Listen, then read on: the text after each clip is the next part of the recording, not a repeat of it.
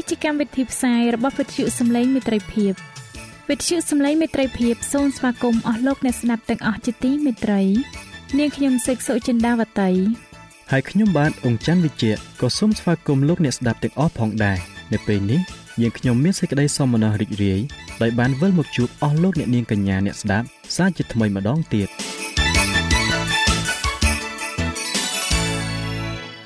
នាងខ្ញុំសេកសុចិន្តាវតី សូមជម្រាបជូនកម្មវិធីផ្សាយដែលមានជាបន្តបន្ទាប់ដូចតទៅនេតិជួបជាមួយព្រះបន្ទូលនេតិសុខភាពចា៎លោកអ្នកស្ដាប់ជាទីមេត្រី នាងខ្ញុំសូមគោរពអញ្ជើញអស់លោកលោកស្រីអ្នកនាងកញ្ញាតាមដានស្ដាប់កម្មវិធីផ្សាយរបស់វិទ្យុយើងខ្ញុំដូចតទៅ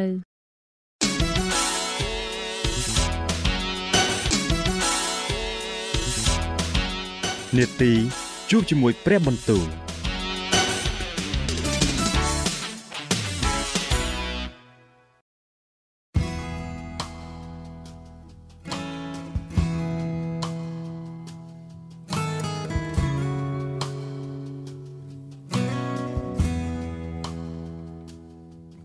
ចាអស់លោកអ្នកស្ដាប់ជាទីមេត្រី ជាដំបូងនាងខ្ញុំសូមអញ្ជើញលោកអ្នកនាងស្ដាប់នេតិជួបជាមួយព្រះបន្ទូល នេតិនេះនឹងលើកយកព្រះបន្ទូលពីព្រះគម្ពីរទំនុកដង្កើងដែលនឹងជម្រាបជូនដល់លោកអង្ចាន់វិជ្ជៈដូចតទៅ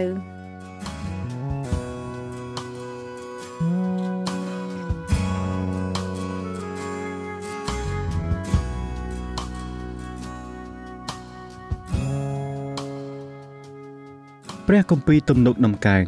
ជំពូកទី109 អោព្រះនៃសេចក្តីសរសើររបស់ទូលបង្គំអើយសូមទ្រង់គំគង់ស្ងៀមស្ងាត់ឡើយត្បិតមាត់របស់មនុស្សអាក្រក់និងមាត់មាយា បានហើរឡើងទាស់នឹងទូលបង្គំហើយគេបាននិយាយនឹងទូលបង្គំដោយអណ្ដាតកំភូត គេបានឡោមព័ទ្ធទូលបង្គំជុំវិញដោយពាក្យសំអប់ក៏តយុទ្ធនឹងទូលបង្គំដោយឥតហេតុគេជាសត្រូវស្នងនឹងសេចក្តីស្រឡាញ់របស់ទូលបង្គំប៉ុន្តែទូលបង្គំចង់ចិត្ត នឹងអតិស្ថានវិញគេបានសងការអាក្រក់ដល់ទូលបង្គំស្នងនឹងការល្អហើយស្នងសេចក្តីសំអប់ចំពោះសេចក្តីស្រឡាញ់របស់ទូលបង្គំសូមទ្រង់តាំងអ្នកអាក្រក់ឲ្យគ្រប់គ្រងលើវា ហើយឲ្យសារតាំងឈរនៅខាងស្ដាំវា កាលណាវាត្រូវជំនុំជម្រះនោះសូមឲ្យវាមានទោសហើយឲ្យសេចក្តីអធិស្ឋានរបស់វា ត្រឡប់ជាអំពើបាបវិញ សូមឲ្យថ្ងៃអាយុរបស់វាបានខ្លីចុះ ហើយឲ្យមានម្នាក់ទៀតទទួលយកការងាររបស់វាសូមឲ្យកូនចៅវា នៅជាកំព្រាឪពុក ហើយឲ្យប្រពន្ធវា នៅជាមេម៉ាយសូមឲ្យកូនចៅវាធ្វើជាមនុស្សអាវ៉ាសែទាំងដើរសំទៀនឲ្យគេរកស៊ីតាមទីច្រកលហករបស់គេសូមឲ្យម្ចាស់បំណុលរឹបយករបស់វាទាំងអស់ទៅ ហើយឲ្យមនុស្សដទៃដណ្ដើមយកផលនៃការរបស់វាសូមកុំឲ្យមានអ្នកណាអាណិតមេត្តាដល់វាឡើយ ក៏កុំឲ្យមានអ្នកណាអាសូរដល់កូនកំព្រារបស់វាដែរសូមឲ្យពូជវាត្រូវផុតចេញលុះដល់ដំណរជាន់ក្រោយសូមឲ្យឈ្មោះវាត្រូវសូន្យបាត់ទៅសូមឲ្យព្រះយេហូវ៉ានឹកចាំពីសេចក្តីទុច្ចរិតរបស់ពួកអាយកោវា ហើយកុំឲ្យបាបរបស់ម្ដាយវាត្រូវលុបចេញឡើយសូមឲ្យសេចក្តីទាំងនោះ នៅចំពោះព្រះយេហូវ៉ាជានិច្ចដើម្បីឲ្យទ្រង់បានផ្ដាច់សេចក្តីនឹកចាំពីគេចេញពីផែនដីទៅ ពីព្រោះវាមិនបាននឹកចាំនឹងសម្ដែងសេចក្តីមេត្តាទេ គឺបានសង្កត់សង្កិនមនុស្សក្រលំបាកនិងមនុស្សកំសត់ទុរគតព្រមទាំងមនុស្សដែលមានចិត្តសង្រេងវិញ ដើម្បីនឹងសម្លាប់គេបងអើវាបានចូលចិត្តនឹងការជេរប្រតិច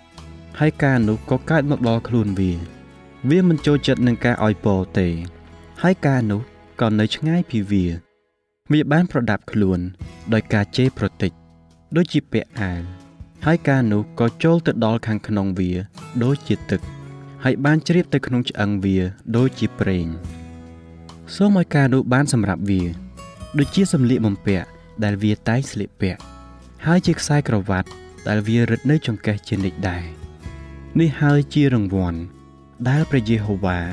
ទ្រង់ប្រទានដល់ពួកខ្មាំងសត្រូវនៃទូលបង្គំហើយដល់អស់អ្នកដែលនិយាយបង្កាច់ដល់ព្រលឹងនៃទូលបង្គំដែរ តែអោព្រះយេហូវ៉ាជាព្រះអង្គម្ចាស់អើយសូមទ្រង់ប្រោះទូលបង្គំដោយយល់ដល់ព្រះនាមទ្រង់សូមប្រោះឲ្យទូលបង្គំបានរួចដោយព្រោះសេចក្តីសប្បុរសដ៏ប្រសើររបស់ទ្រង់ត្បិតទូលបង្គំជាអ្នកក្រលំបាកហើយកំសត់ទុរគតហើយចិត្តនៅក្នុងខ្លួនទូលបង្គំមានរបួសផងទូលបង្គំទៅបាត់ដូចជាស្រមោលដែលជ្រេទៅទូលបង្គំត្រូវគេដេញចុះឡើងដូចជាកណ្ដូប ក្បាលជង្គង់នៃទូលបង្គំញ័រដោយតមអាហារហើយរូបសាច់ទូលបង្គំក៏ស្គមស្គាំងទៅ ទូលបង្គំបានត្រឡប់ជាទីថ្មេះតេះដៀលដល់គេ កាលណាគេប្រទះឃើញទូលបង្គំនោះគេគ្រវីក្បាលអោព្រះយេហូវ៉ាជាព្រះនៃទូលបង្គំអើយសូមជួយទូលបង្គំផងអោសូមជួយសង្គ្រោះទូលបង្គំតាមសេចក្តីសប្បុរសនៃទ្រង់ដើម្បីឲ្យគេបានដឹងថា ការនេះ គឺជាព្រះហស្ថទ្រង់ធ្វើទេ គឺជាទ្រង់អោព្រះយេហូវ៉ាអើយដែលបានធ្វើការនេះឲ្យគេជ័យប្រតិចចោះតែសូមទ្រង់ប្រទានពរវិញ កាលណាគេលើកគ្នាឡើង នោះគេនឹងត្រូវមានសេចក្តីខ្មាស់តែអ្នកបំរើទ្រង់នឹងអសប្បាយវិញសូមឲ្យពួកសត្រូវនៃទូបង្គំបានត្រូវប្រដាប់ខ្លួនដោយសេចក្តីអាប់យួរឲ្យគេក្រលុំខ្លួនដោយសេចក្តីអាម៉ាស់ ខ្មាស់ដូចជាពាក្យអាវមាត់ទូបង្គំនឹងអរព្រះគុណដល់ព្រះយេហូវ៉ាយ៉ាងក្រៃលែងអើទូបង្គំនិងសរសើរដល់ទ្រង់នៅកណ្ដាលជនទាំងឡាយត្បិតទ្រង់ឈរនៅខាងស្ដាំនៃមនុស្សកំសត់ទុរគតដើម្បីនឹងជួយឲ្យរួចពីពួកអ្នកដែលប្រកាន់ទោសចំពោះព្រលឹងគេ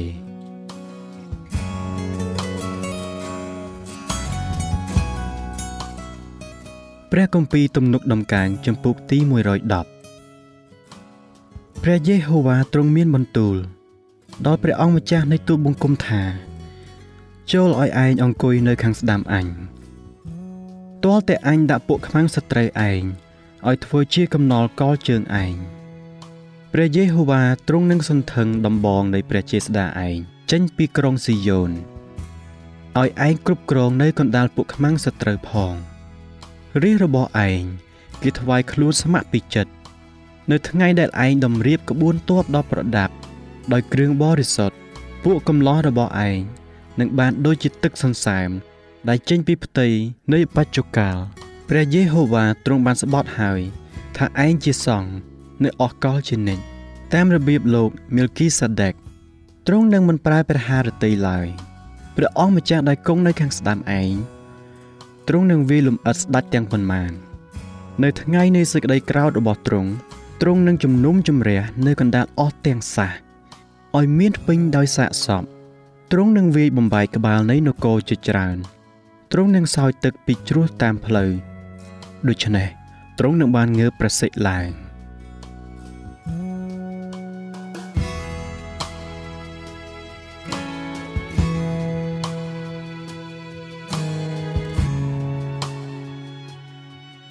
ព្រះគម្ពីរទំនុកដំកើងចំពុកទី111ចូលសរសើរដល់ព្រះយេហូវ៉ាខ្ញុំនឹងអរព្រះគុណដល់ព្រះយេហូវ៉ាដោយអស់ពីចិត្តនៅក្នុងចំណោមនៃមនុស្សទាំងត្រង់ហើយក្នុងពួកជំនុំជនអស់ទាំងស្នាដៃនៃព្រះយេហូវ៉ាសុទ្ធតែធំវិសេសគួរឲ្យអស់អ្នកណាដែលចូលចិត្តនឹងការទាំងនោះបានស្វែងរកតាមឯស្នាដៃនៃទ្រង់នោះល្អប្រពៃហើយរុងរឿងឧត្តម សេចក្តីសុចរិតរបស់ទ្រង់ក៏ស្ថិតស្ថេរនៅជាដរាបទ្រង់បានធ្វើឲ្យមានសេចក្តីនឹកចាំពីការអស្ចារ្យរបស់ទ្រង់ព្រះយេហូវ៉ាទ្រង់ប្រកបដោយមេត្តាករុណា និងអាណិតអាសូរទ្រង់បានប្រទានអាហារដល់អស់អ្នកដែលកោតខ្លាចទ្រង់ក៏នឹងនឹកចាំពីសេចក្តីសញ្ញាទ្រង់ជានិច្ចដែរទ្រង់បានសម្ដែងព្រះចេស្តានៃការទ្រង់ឲ្យរះទ្រង់ឃើញ ដោយប្រទានឲ្យគេ ក្រងបានមរតកនៃអស់ទាំងសះអស់ទាំងស្នាដៃនៃព្រះហស្ថទ្រង់សុទ្ធតែពិតត្រង់ហើយសុចរិតបញ្ញត្តិទាំងប៉ុន្មាននៃទ្រង់សុទ្ធតែម៉ត់ចត់ ហើយក៏បានតាំងឲ្យនៅអកលចនិចហើយបានសម្រេចដោយសេចក្តីពិត និងសេចក្តីទៀងត្រង់ទ្រង់បញ្ចាត់ប្រើសេចក្តីប្រោះលោះដល់រាជទ្រង់ទ្រង់បានសម្រេចសេចក្តីសញ្ញាទ្រង់ឲ្យនៅជាតារាបព្រះនាមទ្រង់បរិសុទ្ធហើយគួរគោរព ឯសេចក្តីកោតខ្លាចដល់ព្រះយេហូវ៉ានោះជាដើមចមនៃប្រាជ្ញាអស់អ្នកដែលកាន់តាមនោះមានយោបល់ល្អសេចក្តីសរសើរនៃទ្រង់ជាប់នៅអស់កលជានិច្ច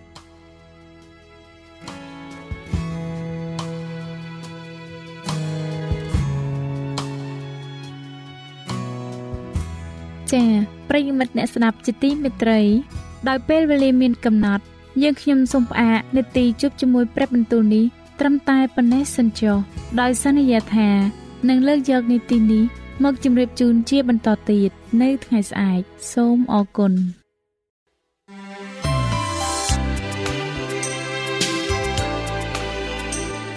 វិទ្យុសំឡេងមេត្រីភាព AWR នាំមកជូនលោកអ្នកនៅសារនៃសេចក្តីស្រឡាញ់ពីព្រះអង្គម្ចាស់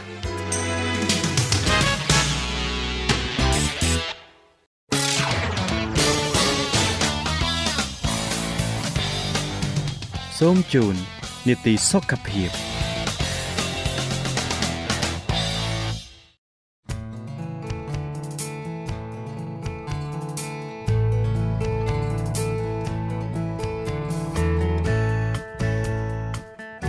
ចា៎នៅក្នុងនីតិសុខភាពនៅថ្ងៃនេះនាងខ្ញុំសូមគោរពអញ្ជើញអស់លោកអ្នកនាងតាមដានស្ដាប់មេរៀនសុខភាពដែលនឹងជម្រាបជូនដោយកញ្ញាឌីណាដូចតទៅ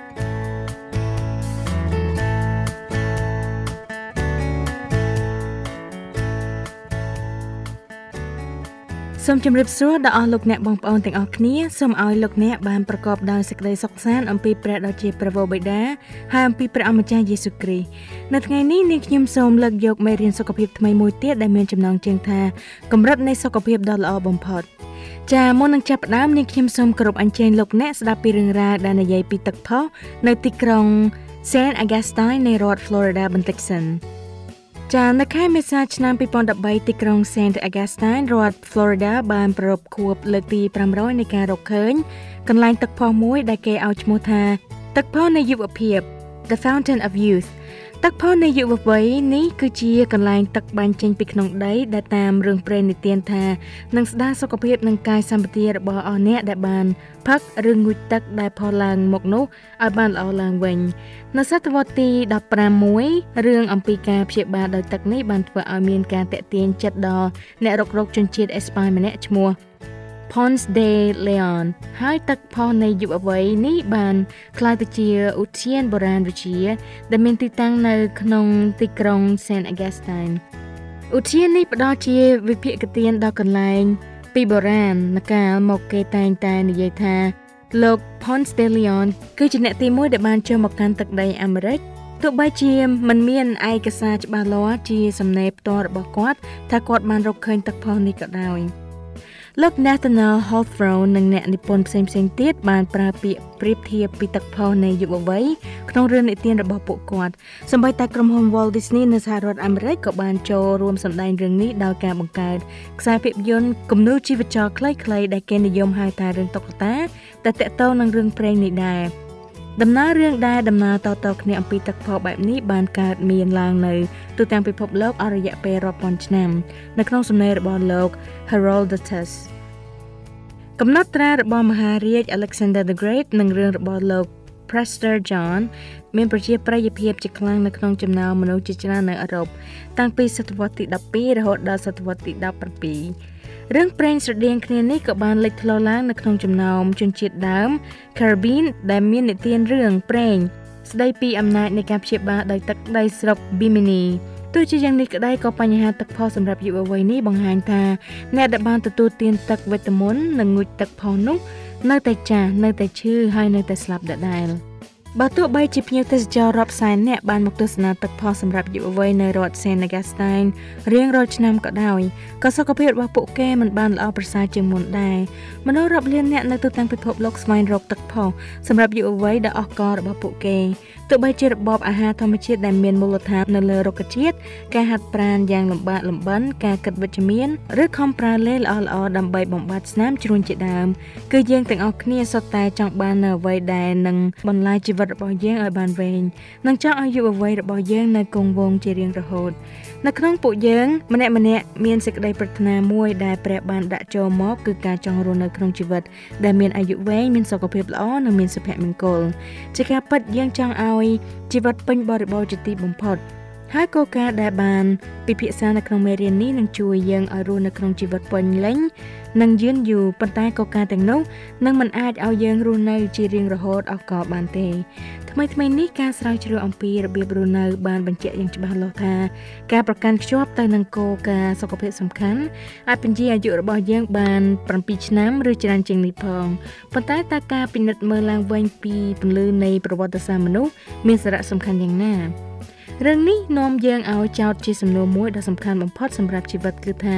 តើមានទឹកផុសសម្រាប់យុវវ័យដ៏អកលដែលមានទឹកពិត អាចបំពេញសេចក្តីប្រាថ្នាសម្រាប់ជីវិតអកលរបស់យើងនៅខាងក្នុងបានដែរឬទេ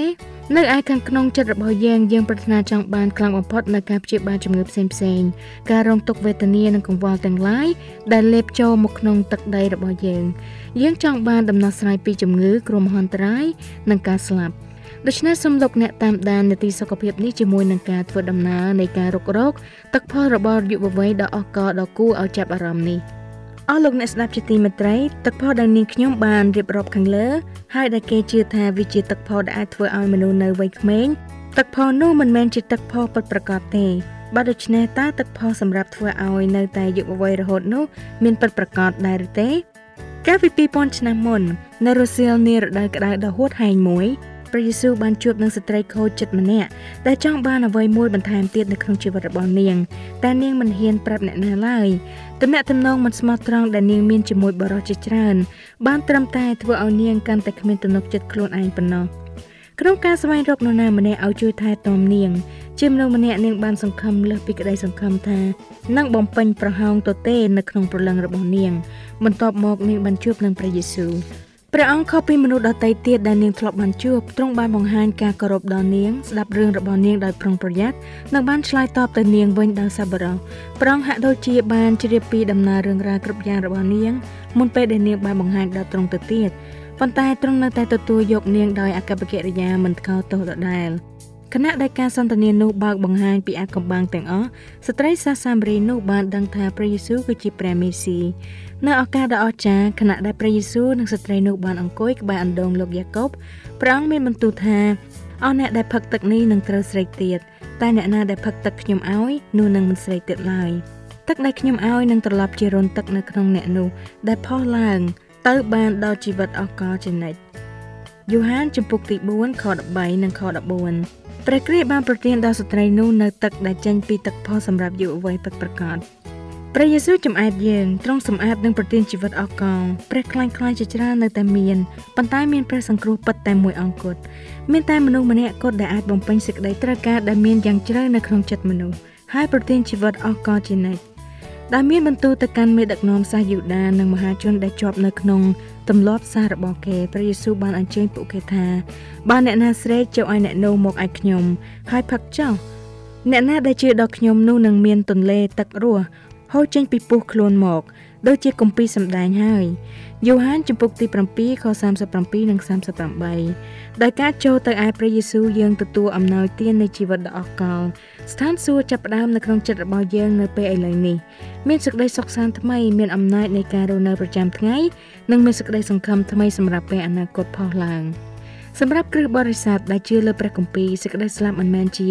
ឬត្រីមួយដ៏វែងដែលមិនមានព្រឹកនោះឡើយ ឬក៏មិនមែនជាប្រហោងខ្មៅងងឹតនៅក្នុងដី ឬនៅក្នុងរូងក្រោមដីដែលមិនមានពន្លឺនៅទីបញ្ចប់នោះដែរព្រះយេស៊ូវបានមានបន្ទូលយ៉ាងខ្លីថាកុំឲ្យចិត្តអ្នករកគ្នាថប់បារម្ភឡើយអ្នករកគ្នាជឿដល់ព្រះហើយជឿជឿដល់ខ្ញុំដែរ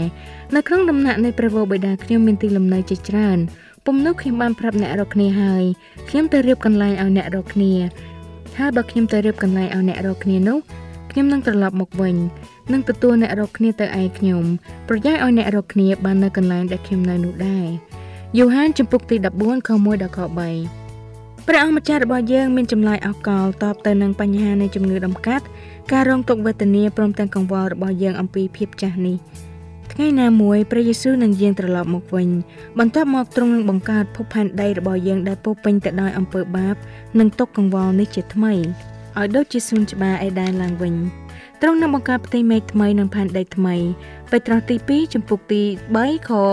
13ជំងឺមហារីកនិងជំងឺបេះដូងនឹងលែងមានទៀតហើយទ្វារនៃបន្ទប់សង្គ្រោះបន្ទាន់ទាំងឡាយនឹងត្រូវបិទជារៀងរហូតហើយមន្ទីរពេទ្យទាំងឡាយក៏នឹងលែងមានដំណើរការតទៅទៀតដែរមន្ទីរពេទ្យទាំងនោះនឹងលែងមានអ្នកជំងឺដែលត្រូវចែកថ្នាំនិងអ្នកជំងឺធ្ងន់ធ្ងរដែលត្រូវព្យាបាលទៀតហើយ លោកយូហានដែលបានទទួលការបើកសម្ដែងពីព្រះពីពរនីពីទន្លេដែលព្យាបាលជាទឹកផុសសម្រាប់យុវវ័យពិតប្រាកដថាទេវតាក៏បង្ហាញឲ្យខ្ញុំឃើញទន្លេទឹកជីវិតថ្លាដូចជាកែវចរណៃដែលហូរចេញពីបលាំងនៃព្រះនិងកូនជាមនៅកណ្ដាលផ្លូវក្រុងនោះហើយនៅមាត់ទន្លេទាំងសងខាងនោះមានដើមជីវិត ដែលបង្កើតផ្លែ12ដងគឺមួយខែម្ដងមួយខែម្ដងហើយស្លឹកឈើនោះ ក៏សម្រាប់នឹងមើលអស់ទាំងសះឲ្យជា គ្រានោះនឹងគ្មានសេចក្តីបណ្ដាសាទៀតឡើយហើយបលាំងនៃព្រះនិងកូនជាមក៏នឹងនៅក្នុងក្រុងនោះឯពួកបាវរបស់ទ្រង់គេនឹងបំរើទ្រង់ព្រះគម្ពីរវិវរណៈចំពុកទី22ខ1ដល់ខ3បាននិយាយអំពីទឹកផុសសម្រាប់យុវវ័យគឺប្រកាសជាមួយនេះហើយព្រះគម្ពីរវិវរណៈបង្ហាញពីសួនច្បារអេដែនត្រូវបានស្ថាបនាឡើងវិញ បទគម្ពីរនេះពិពណ៌នាពីពិភពលោកថ្មី ដែលពោពេញដោយសេចក្តីសប្បាយសុខភាពល្អនិងភាពបរិសុទ្ធពិភពលោកថ្មីនេះនឹងបំពេញសេចក្តីប្រាថ្នានៃចិត្តរបស់យើងបំពេញតម្រូវការដែលនៅអៃដលខាងក្នុងចិត្តរបស់យើងចំអែតការឃ្លាននៃប្រលឹងរបស់យើងនិងការស្រេកដែលនៅខាងក្នុងខ្លួនយើងដោយងូតទៅក្នុងព្រះវត្តមានដ៏ពោពេញដោយសេចក្តីស្រឡាញ់របស់ទ្រង់នោះយើងនឹងរស់នៅក្នុងបរិយាកាសនៃសេចក្តីស្រឡាញ់ជាមួយព្រះដែលជាសេចក្តីស្រឡាញ់នោះឯង ចាអស់លោកអ្នកនាងនិងបងប្អូនអ្នកស្ដាប់ជាទីមេត្រីដែលសារតែពេលវេលាមានពេលកំណត់អ្នកខ្ញុំសូមផ្អាកនីតិសុខភាពនេះត្រឹមតែប៉ុណ្ណឹងសិនចុះអ្នកខ្ញុំនឹងលើកយកភាគទី2មកជម្រាបជូនដល់អស់លោកអ្នកជាបន្តទៀតនៅសប្តាហ៍ក្រោយតាមពេលវេលានិងម៉ោងដដែលសូមឲ្យលោកអ្នកបានប្រកបដោយព្រះគុណនិងសេចក្តីសុខសាន្តអំពីព្រះដ៏ជាព្រះវរបិតានៃយើងហើយអំពីព្រះអម្ចាស់យេស៊ូវគ្រីស្ទចាសម្រាប់ពេលនេះនាងខ្ញុំឌីណាសូមអរគុណសូមជម្រាបលា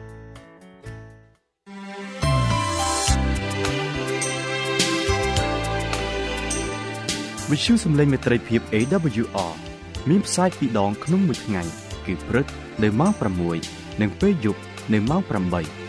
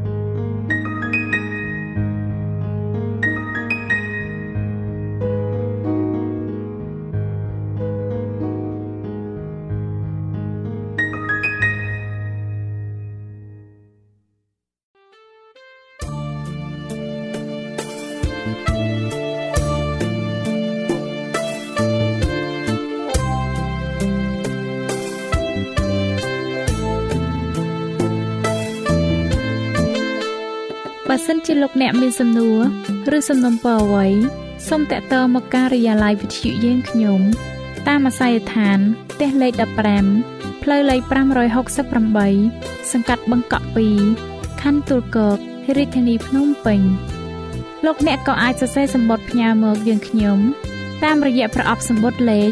488ភ្នំពេញឬតាមទូរស័ព្ទលេខ012 34 96 64ឬ097 80 81 060ឬក៏តាមរយៈអ៊ីមែល vol@awr.org យើងខ្ញុំរងចាំទទួលស្វាគមន៍អស់លោកអ្នកនាងដោយក្តីសោមនស្សរីករាយហើយលោកអ្នកក៏អាចស្ដាប់កម្មវិធីនេះឡើងវិញ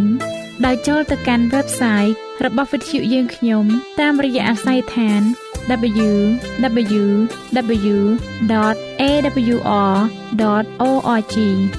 លោកអ្នកនាងកញ្ញាជាទីមេត្រី កម្មវិធីផ្សាយរបស់វិទ្យុសំឡេងមេត្រីភាពនៅពេលនេះសូមបញ្ចប់តែប៉ុណ្ណេះ